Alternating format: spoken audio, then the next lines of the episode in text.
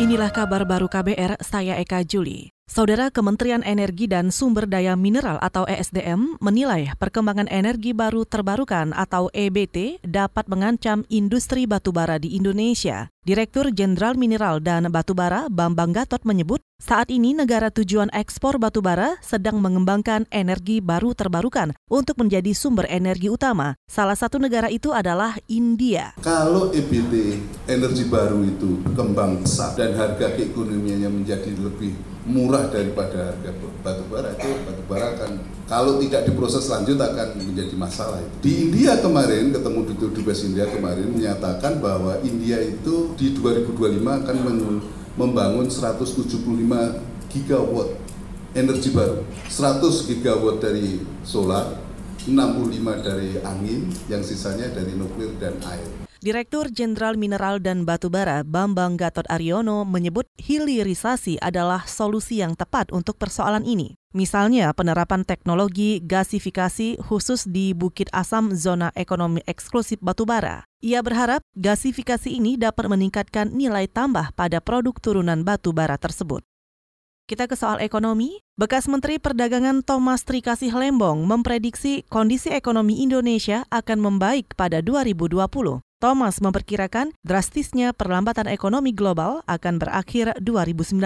Namun, ia menyarankan pemerintah fokus memperbaiki iklim investasi dan usaha. Setelah perlambatan yang drastis tahun 2019, tahun ini, tahun depan 2020 yang akan kita lihat adalah rebound, recovery. Jadi pertumbuhan ekonomi global dan dipimpin oleh pertumbuhan ekonomi di Amerika akan kembali sehat, kembali naik. Dan ini tentunya memberikan momentum yang positif untuk kita dorong investasi dan ekspor di 2020. Bekas Menteri Perdagangan Thomas Lembong juga mengkritik buruknya kondisi birokrasi di Indonesia yang menghambat laju investasi. Menurutnya, kondisi birokrasi dan regulasi di Indonesia harus dibenahi. Thomas juga menilai pemerintah harus menyederhanakan birokrasi dan regulasi serta lebih proaktif menarik investor-investor asing.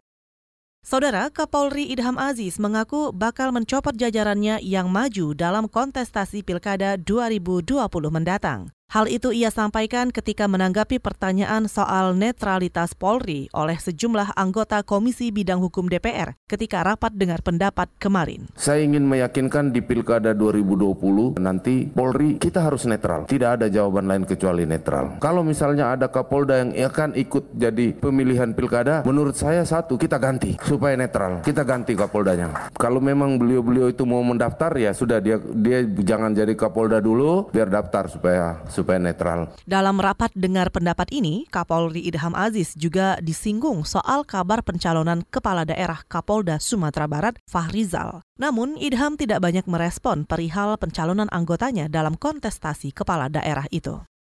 Kita ke informasi mancanegara.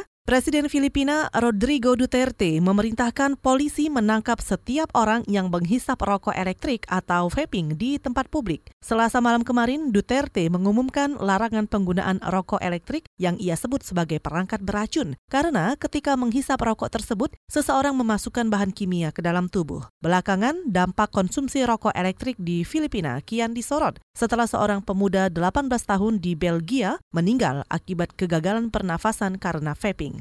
Saudara demikian kabar baru, saya Eka Juli.